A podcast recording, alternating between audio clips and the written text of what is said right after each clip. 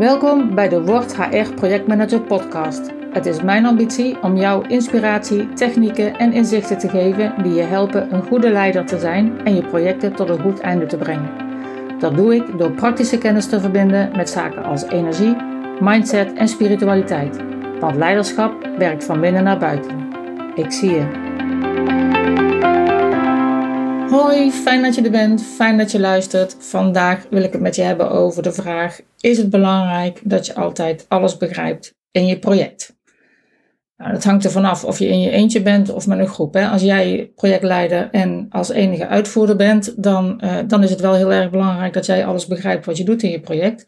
Maar als je een project aanstuurt wat teamoverstijgend is, afdeling overstijgend, wat corporate is, uh, als je te maken hebt met uh, verschillende specialisaties, dan is het niet altijd zo dat jij alles moet begrijpen. En daar wil ik het met je over hebben. Want als je een projectopdracht aanneemt in het begin, dan uh, denk je, ja precies, daar heb ik wel een beeld bij. Je moet bijvoorbeeld, uh, oh, ze vragen je om iets met amplitie te doen. Dat is, dat is een nieuw modern woord wat iedereen uh, heel leuk lijkt te vinden. En dan denk je, ja precies, amplitie, daar vind ik iets van en daar ga ik mee aan de slag. Of HR moet agile gaan werken. En dan denk je ook van, ja, daar, daar vind ik iets van en leuk en dat ga ik doen. En in het begin ben je heel optimistisch. En je hebt wel door dat je een globaal beeld hebt en uh, dat dat zich allemaal nog moet detailleren en uh, dat je met heel veel mensen moet praten om te kijken van uh, hoe, hoe gaan we het nou precies doen. Dus in het begin ben je ook optimistisch en je denkt, ik denk dat ik het begrijp en ik kom er vanzelf achter wat de details zijn. En dan, dan kan het gewoon voorkomen, dat is mij dan gebeurd, dan zit ik in een project en dan ben ik bezig van het was een nieuw project en aan mij was gevraagd van, nou, we hebben hier een software systeem en het lukt ons alsmaar niet om dat systeem te benutten. Ga jij nou eens uitzoeken met een team waarom dat niet lukt en wat er moet gebeuren om dat wel goed te laten komen? En toen sprak ik in het begin van dat project een architect en die zei tegen mij: Ja, maar is het systeem gebouwd voor content of voor kennis? En toen dacht ik: Nou, dat, dat is niet relevant. Content, kennis, dat is allemaal hetzelfde volgens mij. Dus mijn positie was, dat is geen relevante vraag. Dat was op zich een hele goede architect, maar ik dacht, nee, geen, geen relevante vraag, daar ga ik niet mee verder.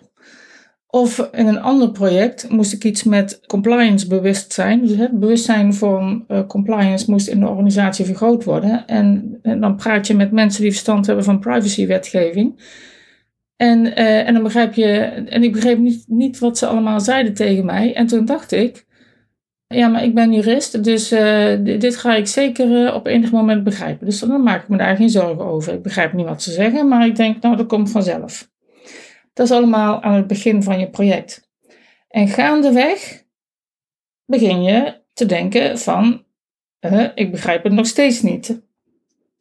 En, eh, en, en, soms lost het zich eh, vanzelf op. Dan kom je er gaandeweg achter dat de vraag of iets content of kennis is heel erg relevant is voor het doel van je project. En dan ga je weer terug naar die architect en dan zeg je, wat zei je daar precies en kunnen we daar nog eens over hebben? dan ben je eh, tot inzicht gekomen over je foute inschatting en dan, dan los je dat op die manier op. dan, dan ga je daar gewoon mee aan de slag. Maar soms dan, dan kom je er toch echt niet uit en je begint te denken, het duurt toch wel heel erg lang voordat ik dit ga begrijpen. Nou, en als eerste ga je dus jezelf onderzoeken. dus net als in het geval van die content. Van, heb, heb ik iets eh, verkeerd beoordeeld en moet ik daarop terugkomen? Of je stelt jezelf de vraag, wat weet ik zeker? Ik heb eens in een project gezeten waarin de afdeling marketing en communicatie hun hele manier van werken wilde omgooien. Ze wilden echt op een hele andere manier gaan werken.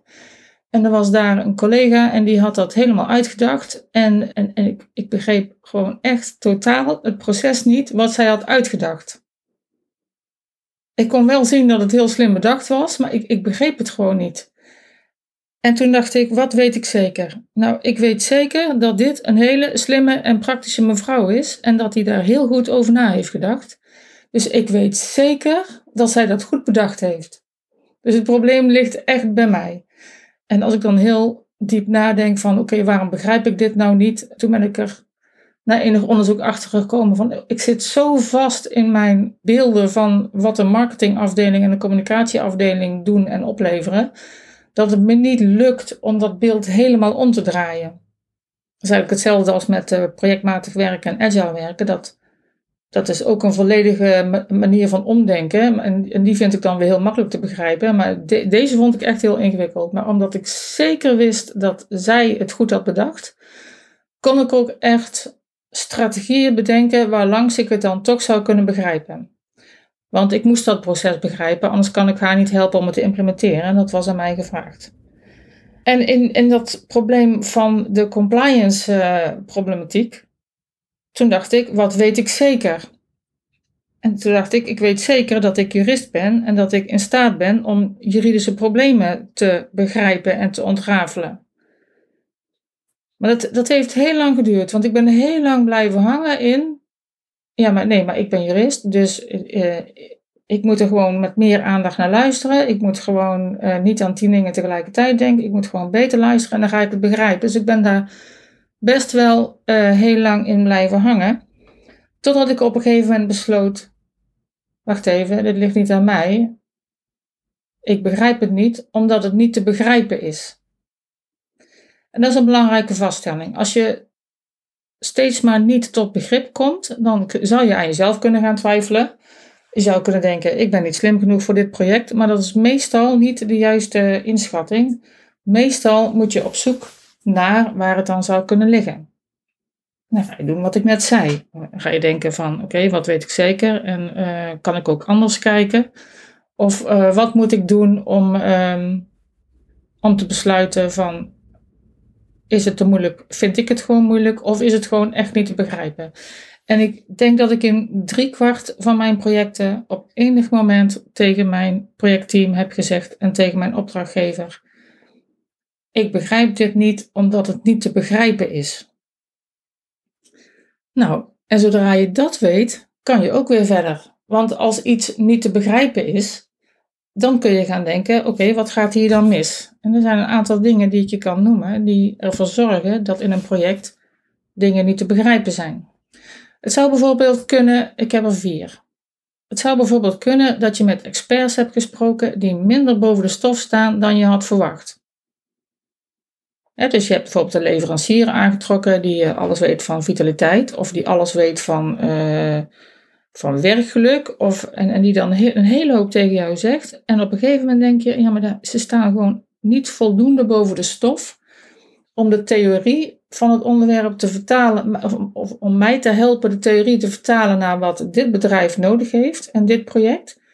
Dus, dus we komen niet verder.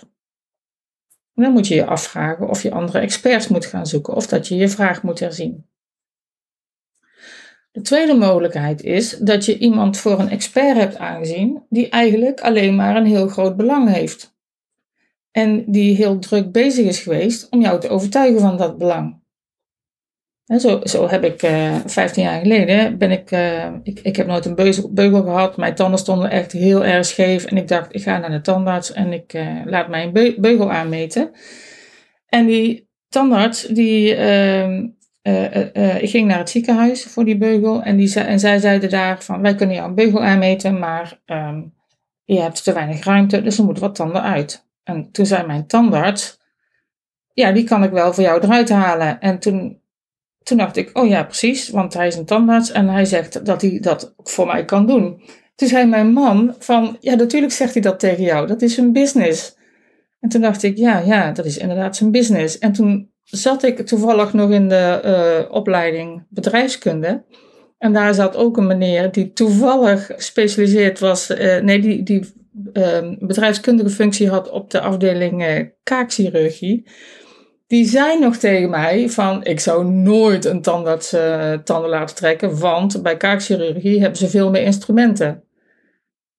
En, toen dacht ik nog, ja, nee, maar mijn tandarts, ik denk dat hij dat kan. En uh, lang verhaal kort, hij, hij heeft één tand, kreeg hij er gewoon niet uit. Ik moest met uh, groot gat uh, in mijn mond en half verdwaasd naar de kaakchirurg om het acuut te laten oplossen door de kaakchirurg. En dat heeft een behoorlijk litteken veroorzaakt.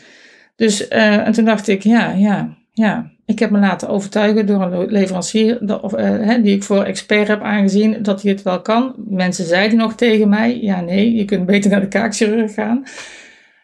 Maar ik heb dat gewoon niet goed ingeschat. En dat kan jou in je project ook eigenlijk dagelijks overkomen. dus eh, als je iemand voor een expert aanziet, dan heb je toch ook die inschatting steeds wel te toetsen bij jezelf, bij die expert en bij anderen. Dit is wat ik hoor. Wat vind je daarvan? Een derde mogelijkheid is dat een leverancier jou een oplossing wil verkopen die niet per se op het probleem past dat jij wil oplossen. En, en, en dat kom je vaak tegen. Hè? Dus mensen willen je van alles verkopen en dan zeggen ze ja, nee, maar dit werkt. En dat, dat zal zo zijn. Hè? Mensen hebben vaak nagedacht over wat ze willen verkopen.